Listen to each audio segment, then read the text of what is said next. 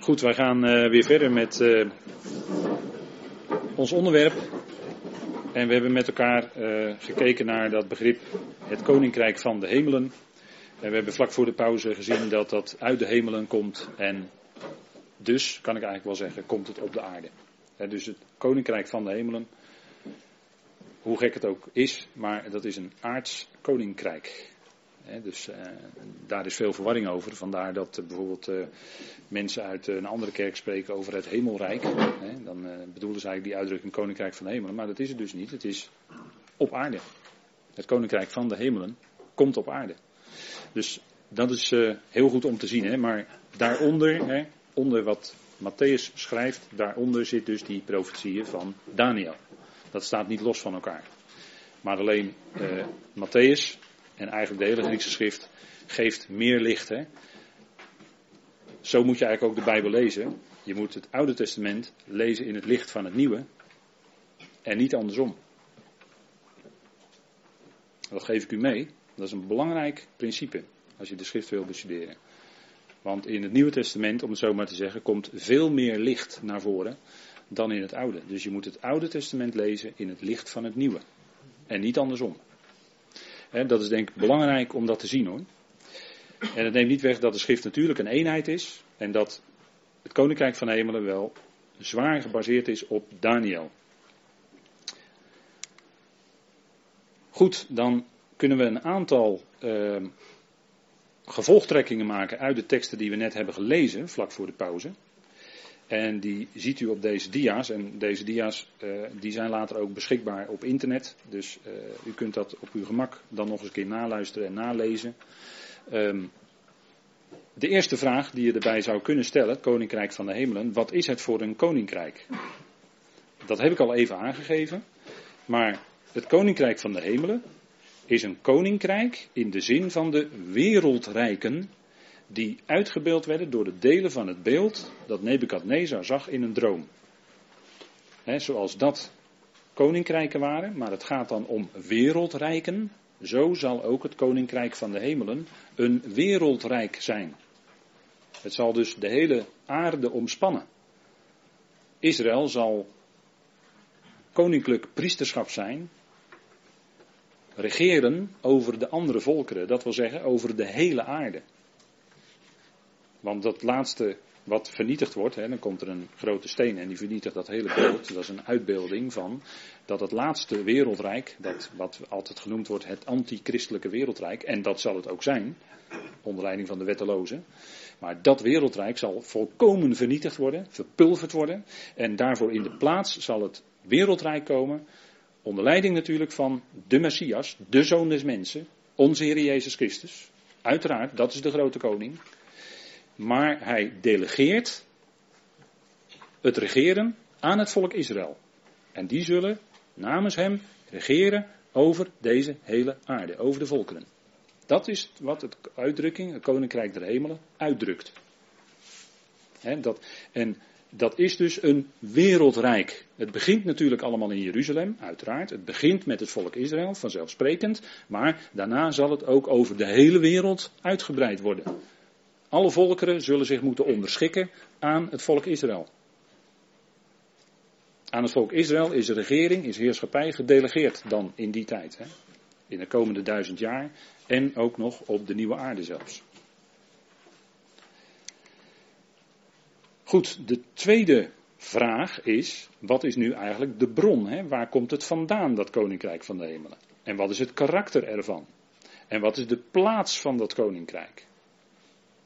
Nou, het koninkrijk van de hemelen, de betiteling zegt het al, hè, dat is uh, het karakter, het bron en het karakter is hemels. Het komt uit de hemelen namelijk, dus het is hemels van qua bron, maar ook van karakter. En het komt op de aarde. Het is dus een aards koninkrijk als het gaat om locatie. Hè. Als, je gaat, als je afvraagt waar zal het zijn, dan is het op de hele aarde. Over de hele aarde zal het omspannen. En er wordt ook wel eens gezegd, bijvoorbeeld in Matthäus, tot aan de einden van de hemelen. Hè? Maar dat is in feite hetzelfde als de uitersten van de aarde. Maar het is dus aards als het gaat om locatie, want het gaat de plaats innemen van de koninkrijken die verpulverd en teniet gedaan worden. dat zijn tien koningen aan het eind. Die geven dan op een gegeven moment al hun macht aan het beest. Maar goed, dat zal vernietigd worden. Dat zal er niet gedaan worden. Dus de oude wereldrijken, even deze dia als een korte tussenzin. de oude wereldrijken, die gaan voorbij, want Jezus Christus komt als de zoon van Adam. De zoon van Adam, hè. de zoon des mensen is eigenlijk de Ben Adam. Hè. En zoon is niet alleen erfgenaam, maar vanuit het Hebreeuws is zoon ook de bouwer. Hè. Zoon komt uit het Hebreeuws van het werkwoord bouwen. De Ben, dat komt van het werkwoord bouwen. Dus hij is ook de bouwer van dat nieuwe koninkrijk wat dan komt. dus aan het begrip zoon zit nog wel meer vast hoor, maar ik geef u vanavond een paar aspecten. En hij komt als de zoon van Adam, dus als de rechthebber op de troon die oorspronkelijk aan Adam gegeven was. Maar als u kijkt via Psalm 8 in Hebreeën 2, dan ziet u het lijntje dat in feite degene waar Psalm 8 over spreekt, de zoon des mensen is, de Heer Jezus Christus. Zoals vrijwel alle psalmen spreken over hem. En misschien wel alle psalmen. Maar goed, hij komt dan als de zoon van Adam, zo staat het ook in Matthäus. En hij, en met hem komt dan ook dat koninkrijk van de hemelen. Goed, dan de derde vraag. En de afbeelding die u hier ziet is de kroon van de hoge priester. Die, uh, dit is een afbeelding die komt uit het Tempelinstituut. Die hebben ze dus op dit moment. De kroon die de hoge priester zal dragen. Er staat op uh, Kadosh le Yahweh. Dat betekent de Heer heilig. Hè, of heilig voor de Heer. Dit heeft het Tempelinstituut dus ook klaar. Hè? Een gouden kroon die de hoge priester dan in de nabije toekomst zal dragen in de tempeldienst eh, in Israël. Wie gaat regeren in het koninkrijk van de hemelen? Net als de koninkrijken waarvoor het in de plaats komt, behoort het koninkrijk van de hemelen aan een volk toe. Zoals het eerste rijk toebehoorde aan de Babyloniërs en het tweede aan de Mede en de Perzen en het derde aan Griekenland. Zo komt ook dit laatste aan een volk toe, namelijk het volk Israël. Dus de regering wordt aan Israël gegeven en dat over de andere volkeren. En een van de vertalingen van de naam Israël is ook vorst met God. Hè? Of mijn vorst met God. Iets, zoiets zou je het kunnen vertalen. Hè? Want er zit het, de S en de R, dat is afkomstig van het Hebreeuwse woord sar en dat betekent vorst. Dat zit ook bijvoorbeeld in Sarah, hè? vorstin. Nou, dus dat, dat begrip vorst zit in de naam Israël. Het zit er al in opgesloten. Um, dus de regering wordt aan Israël gegeven en dat over de andere volkeren. Dat blijkt uit Daniel, de teksten die wij gelezen hebben vlak voor de pauze. En dan de tijdsduur. Hoe lang duurt de regering van Israël in dit koninkrijk van de hemelen?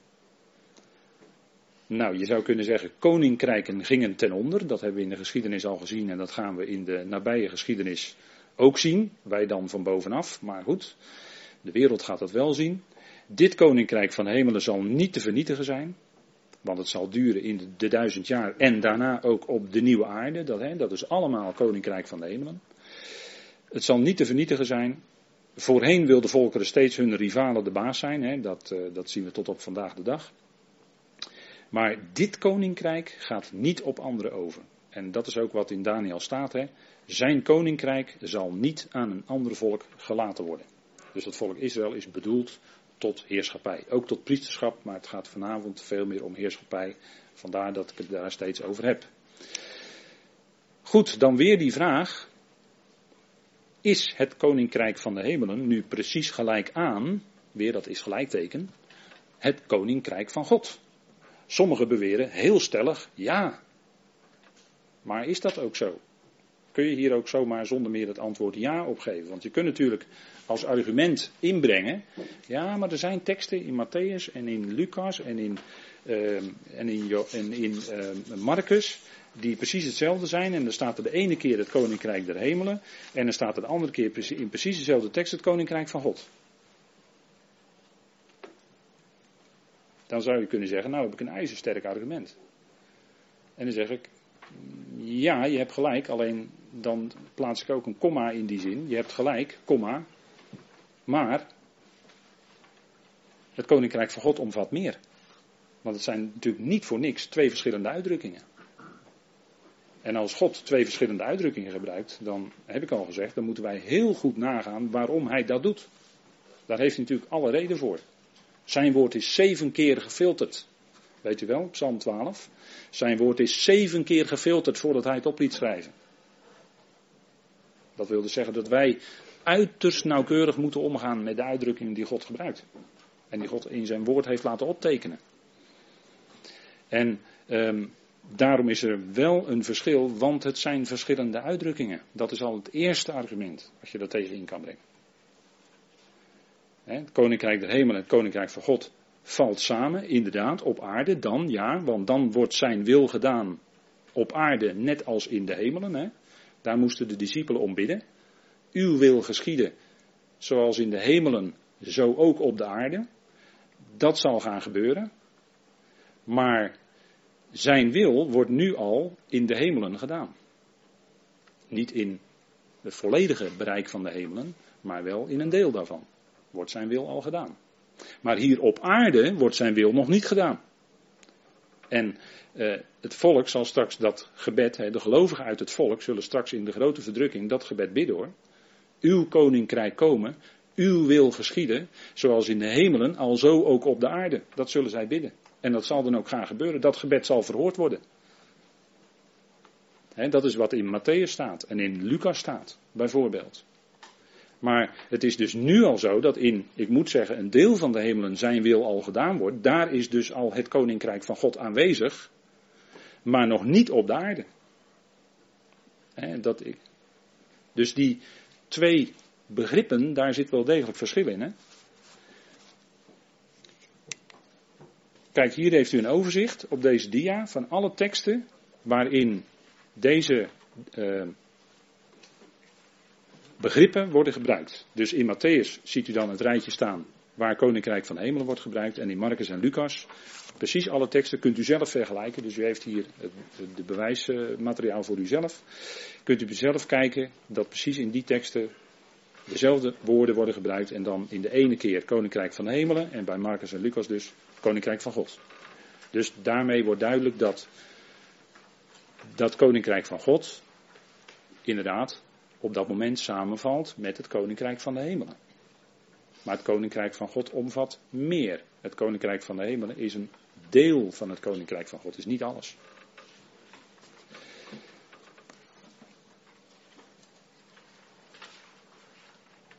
Goed, dus we zien bijvoorbeeld in de tekst, die hebben we ook al gelezen hoor, met elkaar vanavond, Matthäus 4, vers 17, dat hebben we veel eerder op de avond gelezen.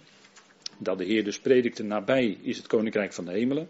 En toen hebben we gezien dat in Marcus 1 staat, nabijgekomen is het koninkrijk van God. Dus dat is dan uh, al één tekst waaruit blijkt, en zo zijn er nog heel wat meer te noemen. Goed, als u kort voor uzelf even voor ogen wil hebben, wat is nu, of waar is nu precies het koninkrijk van God? Hè? Want we hebben gezien waar nu precies het koninkrijk van de hemelen is. Dat omvat dus de hele aarde. Maar waar is nu dat koninkrijk van God? Dat is overal waar God regeert, waar zijn wil gedaan wordt. Daar is het koninkrijk van God. Want het begrip koninkrijk, dat drukt eigenlijk uit regering. Hè? Koningschap is regering als, je, als je de woorden ook eh, vertaald ziet in, in de schrift, dan zie je dat, dat hè, het werkwoord waar het zelfstandig naamwoord koninkrijk van is afgeleid, dat is gewoon het woord regeren. Of als koning regeren voor mijn part. Maar dat, dat overal waar God regeert, waar zijn wil gedaan wordt, daar is een stukje koninkrijk van God.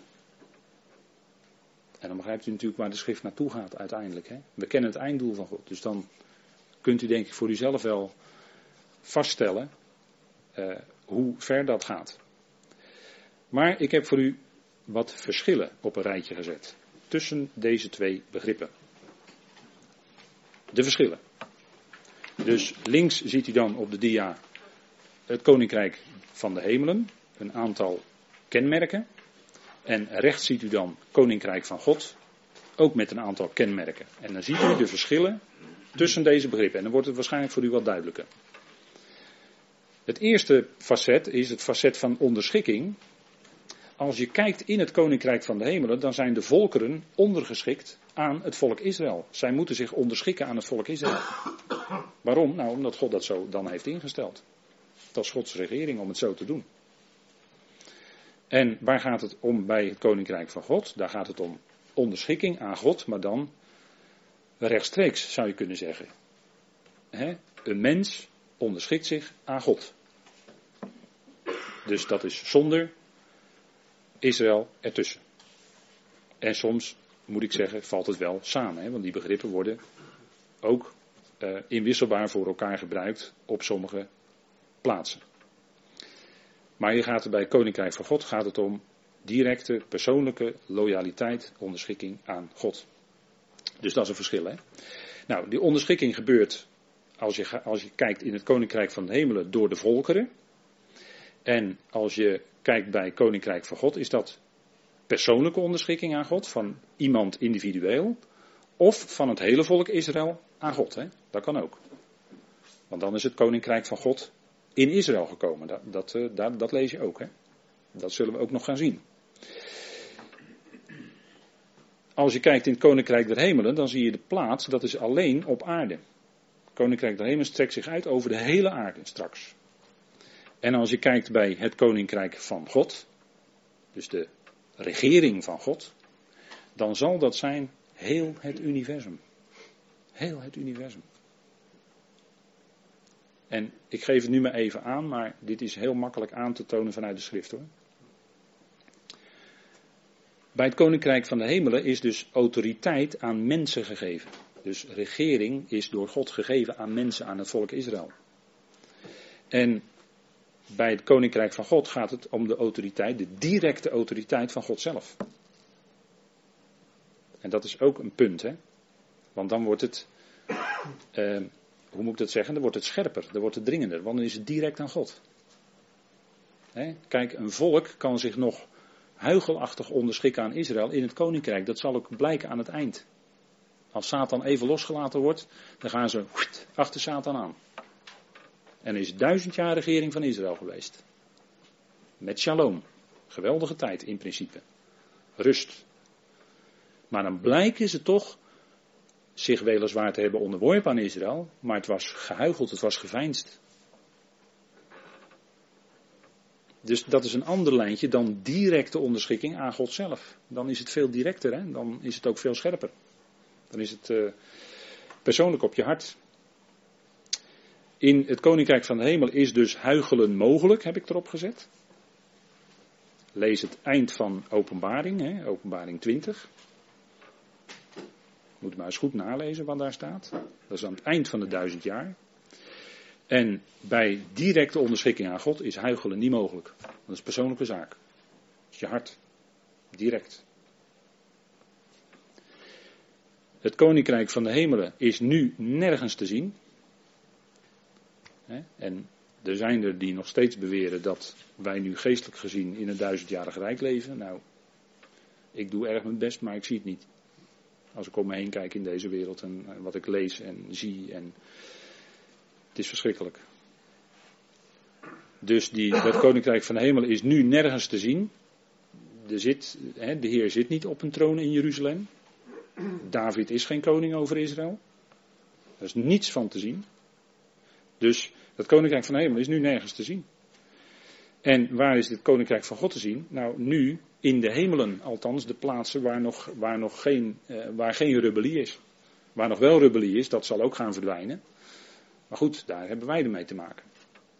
en onderschikking, directe onderschikking aan God, ja, dat is in het leven van ons als gelovigen aanwezig. Dat wij ons direct aan zijn woord en dus aan hem onderschikken. Dat is natuurlijk een punt.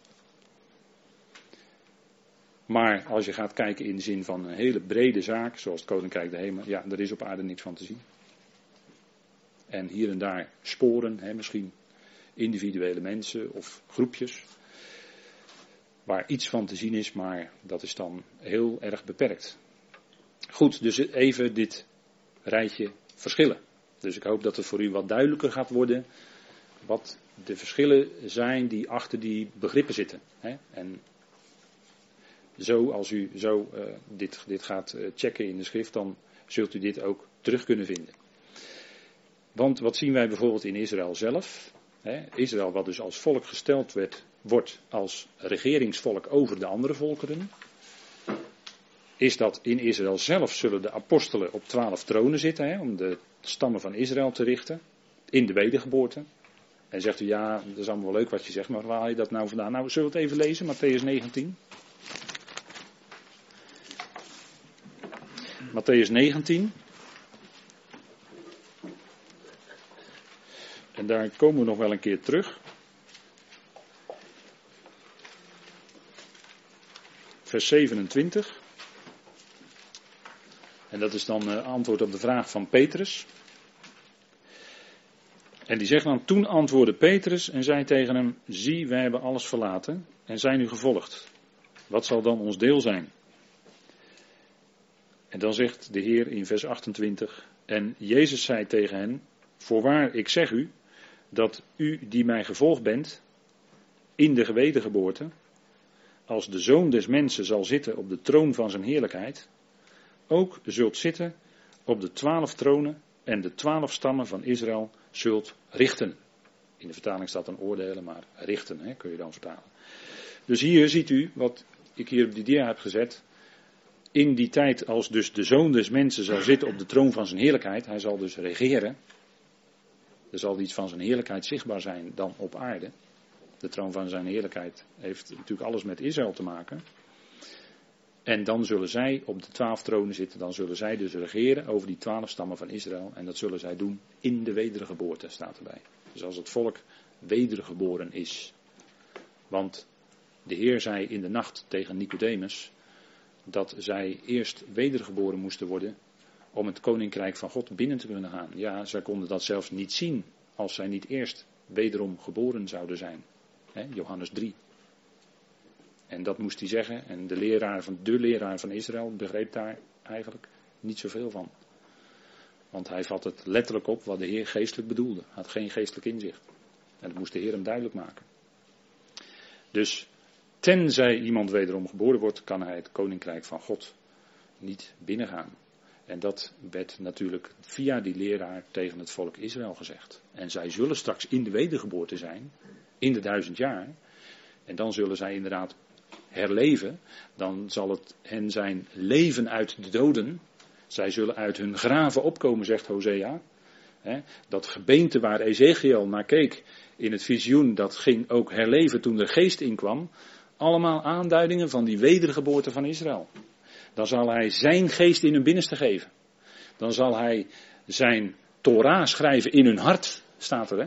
op diverse plaatsen. Wat in Hebreeën nog eens aangehaald wordt. Dat is het nieuwe verbond.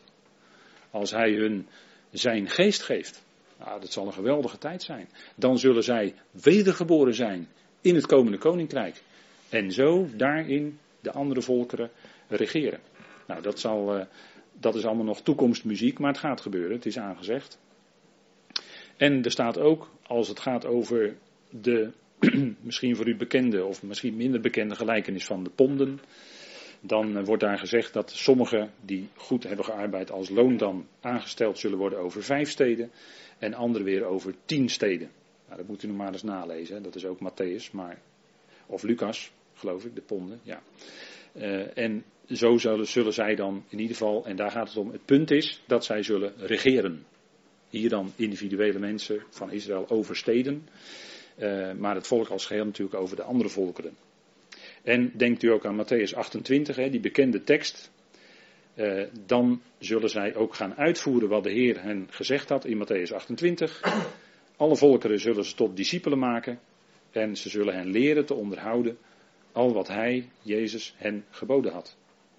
dat is de zendingsopdracht, om het zo maar te zeggen, die zij, het volk Israël, in de komende tijd zullen hebben. Die opdracht is dus nu helemaal niet van toepassing. Wordt ook helemaal niet tegen ons gezegd. Maar dat is de uh, opdracht die het volk zal hebben. Nou, ze zullen dus alle volkeren tot discipelen maken. En dan doet het verschijnsel zich voor, om het zo maar te zeggen, dat, dat, dat de uitdrukking het koninkrijk van God, dat die vier keer genoemd wordt in Matthäus. En zegt u ja, inderdaad, dat, dat is zo. Ehm, hoe kan dat? Want ehm, ja, in Matthäus wordt toch heel vaak die uitdrukking Koninkrijk van de Hemelen gebruikt. En dan wordt toch vier keer de uitdrukking het Koninkrijk van God gebruikt. En hoe zit dat dan? Nou, we hebben daar al natuurlijk een beetje antwoord op gekregen door die verschillen te zien. Want bij het Koninkrijk van God gaat het om directe loyaliteit aan God. En, en met name in het gesprek met de fariseeën en de schriftgeleerden, die meenden dat zij daar wel aanspraak op konden maken, uh, gaat de Heer dat duidelijk maken. En dan zegt hij, um, bijvoorbeeld in Matthäus 12,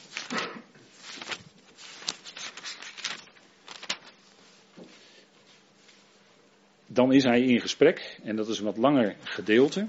En dan ging het om het uitwerpen van demonen, hè, van boze geesten. Het uitwerpen van demonen. Nou, dan zegt de Heer, en dan um, wordt hij ervan beschuldigd, en dat was een hele lage beschuldiging. Een hele lage beschuldiging hoor. Um, hij, hij wierp demonen uit, en dan zeggen de fariseeën en schriftgeleerden, zij hoorden dit, vers 24 van Matthäus 12, en zeiden, deze drijft de demonen alleen maar uit door Beelzebul, de aanvoerder van de demonen. Nou, dat was een hele lage beschuldiging, hè. En het was in, in feite een enorme uiting van ongeloof. Onvoorstelbaar, zou je bijna zeggen. Jezus echter kende hun gedachten, vers 25, en zei, ieder koninkrijk dat tegen zichzelf verdeeld is, wordt verwoest. En geen enkele stad en geen enkel huis dat tegen zichzelf verdeeld is, zal stand houden. Nou, ik zou zeggen, dat is een hele duidelijke uitspraak. Hè? Iets dat uh, een, een, een, stad of een, of een groep of een uh, partij de politiek of wat dan ook, als het in zichzelf verdeeld is, dan kan het niet stand houden. Dan gaat het vroeg of laat verbrokkelen en dan valt het uit elkaar. En als de Satan de Satan uitdrijft, dan is hij tegen zichzelf verdeeld. Hoe kan zijn rijk dan stand houden?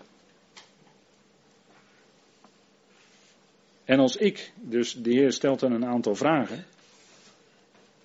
En als ik door Beelzebul de demonen uitdrijf, door wie drijven uw zonen ze dan uit? Daarom zullen die uw rechters zijn. Moet je nagaan, hè? Dus hij zegt hier al iets profetisch. Maar als ik door de geest van God de demonen uitdrijf, dan is het koninkrijk van God bij u gekomen. Kijk, het, het koninkrijk van de hemelen, dat heeft veel meer te maken met de regering van Israël over de andere volkeren. Maar hier gaat het om het uitdrijven van demonen, notabene bij dat volk Israël zelf. Dus hier wordt een stukje regering van God gevestigd. En daarom zegt de Heer, de regering van God wordt eerst gevestigd in Israël. En daarom zegt de Heer, als ik door de geest van God de demonen uitwerp, dan is het koninkrijk van God op u gekomen. Dus die directe regering van God is dan op hen en daarom worden die demonen uitgedreven. En er zijn ook treffende eh, gelijkenissen van hoor. Als het gaat om Israël, waarin het nog, nog veel scherper wordt, nou bijna, ja, nog veel scherper gezegd wordt. Als het gaat om het volk. Dat daar demonen worden uitgedreven. En dat als er dan, eh, hè, als er dan het huis schoongeveegd is, dan, komen ze, dan komt, het, komt het nog erger terug. Als er niet iets eh, goeds gebeurt in dat huis komt nog erger terug. En dat was eigenlijk was dat een profetische aanduiding of een type, hè, beeldend gezegd over het volk zelf. Moet je nagaan. Hoe zwaar dat, uh, hoe zwaar dat ligt. Dus vandaar dat hier gesproken wordt over niet het koninkrijk der hemel is op u gekomen, maar het koninkrijk van God. Het gaat om die directe regering van God, ook in die persoonlijke levens van de Israëlieten, om het zo maar te zeggen, van de Joden.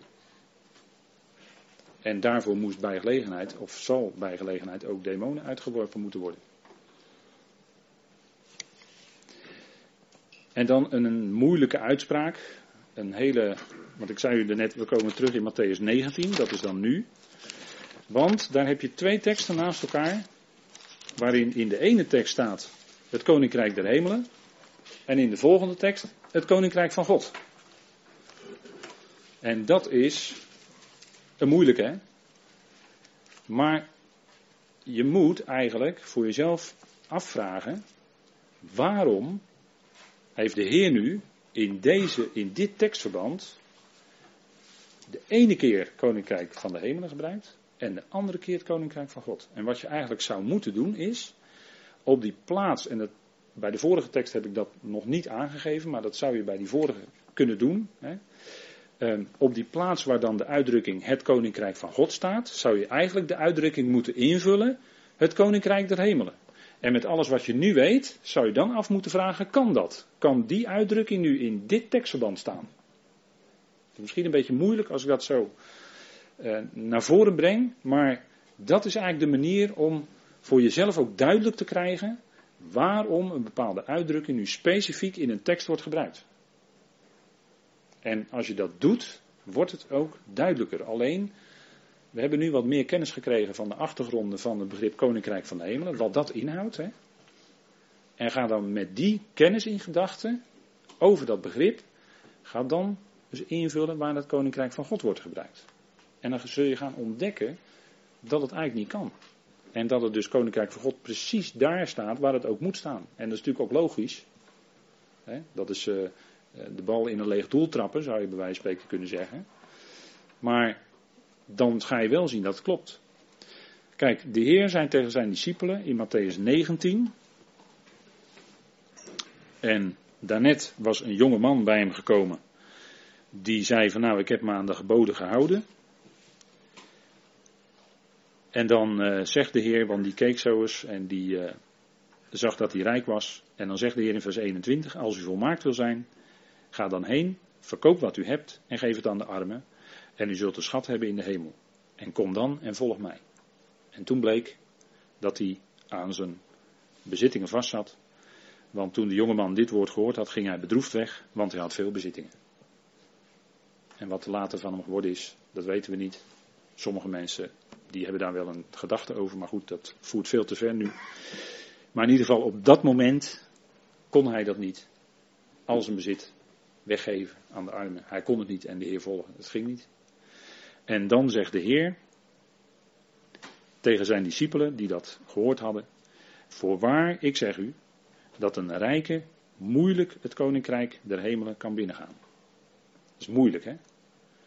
Misschien nog, misschien nog wel. Maar als het, als het maar niet die consequentie had.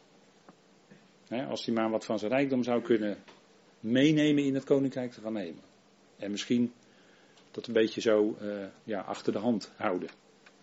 En zo dat koninkrijk toch binnengaan. Dat zou misschien nog kunnen. Vandaar dat de Heer zegt dat een rijke moeilijk het koninkrijk der hemelen kan binnengaan. En dan zegt hij, nogmaals zeg ik u, het is gemakkelijker dat een kameel door het oog van de naald gaat, dan dat een rijke het koninkrijk van God binnengaat. En hiermee, en als je nu hier zou invullen het koninkrijk van de hemelen, zou dat eigenlijk niet kunnen. Waarom niet? De Heer maakt een vergelijking en hij heeft het over een kameel. Nou, dat is best een groot beest. En je had in die tijd kleine poortjes in de muur van Jeruzalem. Die heet het oog van de naald. En daar zou een kameel, nou, eigenlijk niet door. Die kan er eigenlijk niet doorheen. Het gaat eigenlijk niet. Die zou misschien op zijn knieën moeten kruipen of zo. Nou, dat, dat, dat ging dus eigenlijk niet. En dat wisten ze. Dus in feite zei de Heer hiermee, en er is ook nog een andere uitleg mogelijk, maar goed, dit, dit is wel een hele duidelijke, vind ik. Um, eigenlijk is het onmogelijk. En dan zegt de Heer dan dat een rijke het koninkrijk van God binnengaat. En dat was net gebleken. Want het had voor die rijke jonge man als consequentie dat hij al zijn bezittingen weg moest, weg moest geven. En bleek dat hij aan zijn bezit vast zat. Hij kon dus niet die regering van God in zijn leven accepteren. Dus hij kon, vanwege dat punt, kon hij niet dat koninkrijk, die regering van God binnengaan. Of die regering van God kon zijn leven niet volledig binnengaan. Zou, zou ik ook nog zo kunnen zeggen. Maar als je hier zou invullen koninkrijk van de hemelen, dan zou dat niet kloppen. Want dat zou nog net kunnen. Het zou net wel kunnen dat die koninkrijk der hemelen binnengaat. En nog onderdeel uitmaakt van Israël, wat dan regeert over de andere volkeren. Want dan hoort hij bij Israël. En dan heeft hij automatisch deel aan die regering. Maar dat wil nog niet zeggen dat zijn hart 100% uh, van God is, om het zo maar te zeggen. Dat kan nog, kan nog vastzitten aan een stukje bezit.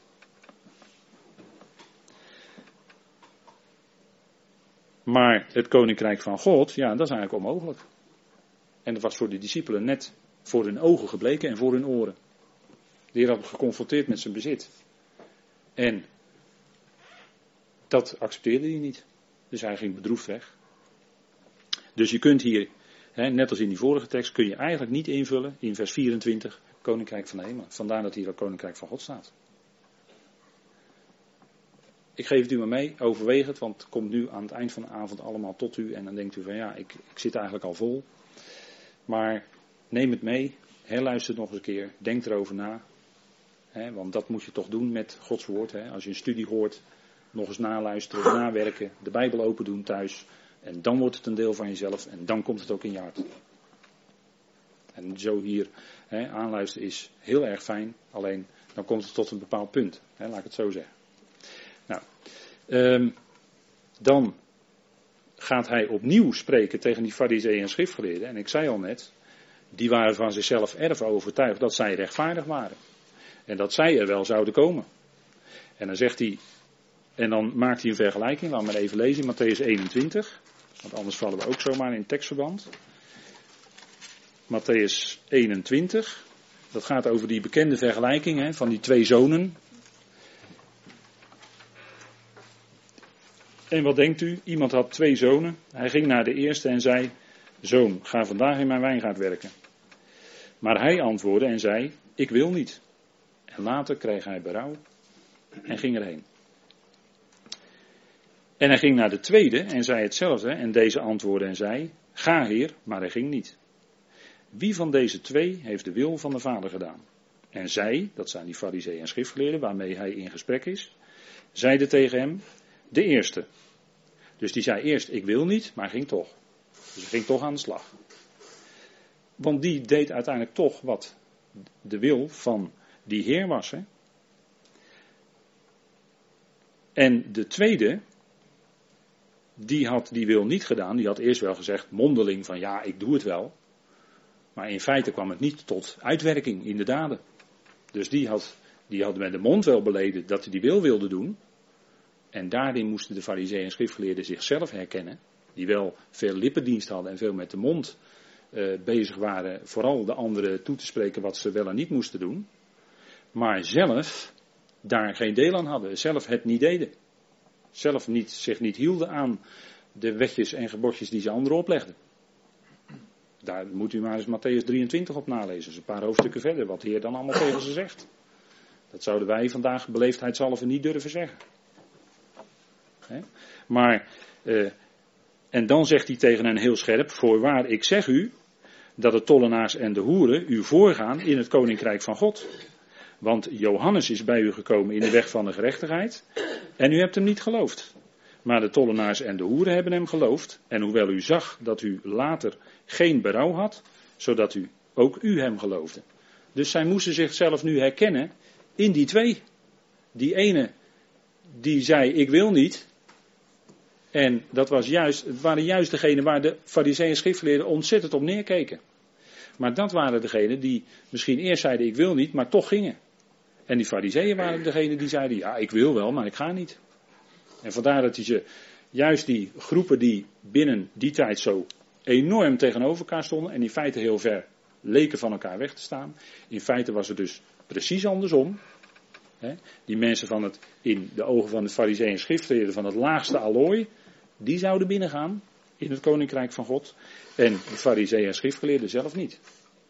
En als je hier nu zou invullen het koninkrijk van de hemelen, dan zou dat eigenlijk niet gaan. Weet u waarom niet? Als je deel bent van het volk, dan zou je misschien nog mee kunnen hobbelen met het hele volk dat koninkrijk in, maar geveinst. Maar als het gaat om het koninkrijk van God, om geloof, hè, van harte volledig geloven en dat ook uitwerken in je leven, ja, dat is koninkrijk van God. Dat is de, de regering van God in je leven. Nou, en daar, daar wilden die fariseeën en schriftgeleerden niet aan. En daarom kun je hier niet invullen het koninkrijk van de hemelen. Want daar zouden ze nog eigenlijk allemaal, als het ware, mee naar binnen kunnen hobbelen. Maar het koninkrijk van God, ja, dan gaat het om rechtstreeks dat lijntje met God. En de ene bleken wel te geloven, hè, en de andere niet. En dat is ook in deze tijd zo. Hè, degene die niet in tel zijn in de wereld, die kiest God juist uit. En dan heb ik het nu over de gemeente, het lichaam van Christus. En dat is totaal iets anders dan het volk Israël. Maar juist degenen die hè, niet in tel zijn, die kiest God uit om degene die wijs zijn te beschamen. Hè, die blijken wijzer te zijn dan de meest wijze filosofen van deze wereld. Nou, dit, dit is zo'nzelfde soort vergelijking, hè, maar het gaat echt om dat koninkrijk van God. En dan als laatste van Matthäus, de laatste keer waarin wij de uitdrukking het koninkrijk van God terugvinden, is daarom zeg ik jullie, Matthäus 21 opnieuw, en dat is weer tegen de schriftgeleerden en fariseeën, dat het koninkrijk van God van jullie weggenomen zou worden en aan een volk gegeven worden dat zijn vruchten ervan voortbrengt. En hier gaat het in het kader, dit wordt gezegd door de Heer, in het kader van de gelijkenis die ook bedoeld was voor die leidslieden van het volk. Over, hè, zij waren dan die landbouwers in hoofdstuk 21 vanaf vers 33. Zij waren die landbouwers. Maar eh, ja, er werden allerlei eh, eh, mensen naar die landbouwers toegestuurd. En zelfs de zoon, de zoon. En die werd om het leven gebracht. En dat zou, dit, dit werd natuurlijk allemaal letterlijk vervuld aan het volk Israël en de Heer zelf. Hè? Want die fariseeën en schriftgeleerden waren die landbouwers uit deze gelijkenis. En die zoon uit deze gelijkenis is de Heer zelf in feite. Die door toedoen van die leiders van het volk ter dood werd gebracht. En omdat het hier dan gaat om directe loyaliteit aan God, vers 43, hè, zegt hij als conclusie, in vers 42 zegt hij heel scherp tegen hem, de steen die de bouwers verworpen hadden, daar waren het fariseeën en schriftgeleerden, de bouwlieden. Die hadden de steen, namelijk de Heer zelf, verworpen. Die is tot een hoeksteen geworden. Dit is door de Heer geschied en het is wonderlijk in onze ogen. Hè? Psalm 118, die wel vaker wordt aangehaald. En dan zegt hij, daarom zeg ik jullie, fariseeën en schriftgeleerden, dat het koninkrijk van God van u weggenomen zal worden en aan een volk gegeven dat de vruchten ervan voortbrengt. In de toekomst zou er een volk zijn, Israëlieten, die wel die koningsheerschappij in hun leven wilden accepteren, die wel waarachtig dat woord geloven, wel in de Messias geloven. En zij zullen ook de vruchten voortbrengen. En zij zullen dan ook deel hebben aan het koninkrijk van God. Wat dus eerst in Israël komt.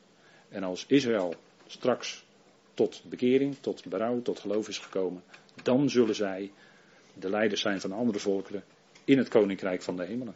dus daar zit natuurlijk een heel duidelijk verband in. Alleen het koninkrijk van God is alomvattend. En het koninkrijk van de hemelen, nogmaals, is op aarde. En het zal hierop uitlopen, hè? Matthäus 24, daar sluit ik mee af.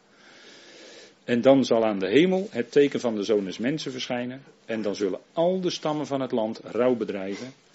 En zij zullen de zoon des mensen zien als hij op de wolken van de hemel komt met grote kracht en heerlijkheid. Matthäus 24, dat is als het koninkrijk gaat aanbreken. Het koninkrijk van de hemelen. Dat is als de zoon des mensen komt. Het is naar Zacharia, de profetie. Die wordt hier aangehaald. En dit zal gaan gebeuren. En dan zal hij komen op de wolken van de hemel. Met grote kracht en heerlijkheid. En dat is het aanvang van dat koninkrijk van de hemelen. Goed, ik wil het hierbij laten. En wij hopen een volgende keer verder te gaan met dit onderwerp, Koninkrijk in het Nieuwe Testament en dan met name het boek Handelingen, want daar hebben we het nog helemaal niet over gehad. En het boek Handelingen doet ook in discussies veel stof opwaaien, waar ook de uitdrukking Koninkrijk God van God wordt gebruikt. En dat zijn natuurlijk een aantal uh, lastige of moeilijke teksten soms, maar daarover hopen wij een volgende keer met elkaar verder te spreken.